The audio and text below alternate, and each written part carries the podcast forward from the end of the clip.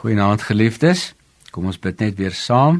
Here, dankie dat ons U kan vertrou om te weet U gaan vir ons nou seën en help om te verstaan. Amen. Ons kyk vanaand na verhoudinge. Kom ek lees Matteus 5 vers 38. Julle het gehoor dat daar gesê is 'n oog vir 'n oog, 'n tand vir 'n tand. Maar ek sê vir julle dat julle slegte mens nie moet weerstaan nie.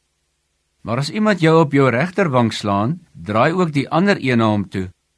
En hy wat met jou na die reg wil gaan en jou onderkleed wil neem, laat hom ook die bokleed kry en laat elkeen wat van jou 1 myl afdwing, loop met hom 2 myl saam. Gee aan hom wat jou iets vra en wys hom nie af wat hy van jou wil leen nie. Wat vir my uitstaan tussen die letter van die wet en die verhandeling van die Here hier is genade. Ons leef juis in die Nuwe Testamentiese tyd vanaf die kruis en deur genade is ons natuurlik ook gered. So genade is die sleutelwoord van vrymaking vir die kind van God in die Nuwe Testament.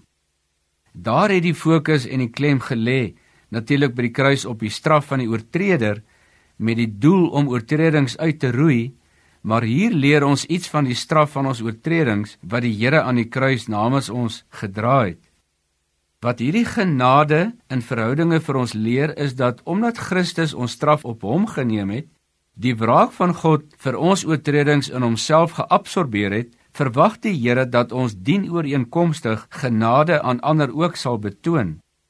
Die natuur natuurlik van die mens is van so 'n aard dat wanneer jy te nagekom word, verbaal aangeval word of onregverdig behandel word om dan terug te reageer en dikwels die pap ook 'n bietjie dikker aan te maak deur groter vergelding.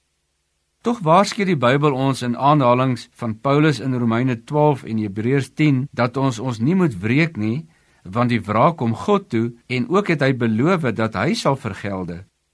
Die Here wil ons hierdeur leer om selfbeheersing toe te pas, nederig te bly en hom in ons optredes te verheerlik. Die klem van ons Christendom in hierdie verband lê dus in hierdie genadebeskouing. As ons in Johannes die aanslag van die Here sien, dan lees ons in Johannes 12 vers 47b: Want ek het nie gekom om die wêreld te oordeel nie, maar om die wêreld te red. Kom ons vra die Here dat hy vir ons sal help om so genadig ook uit te lewe.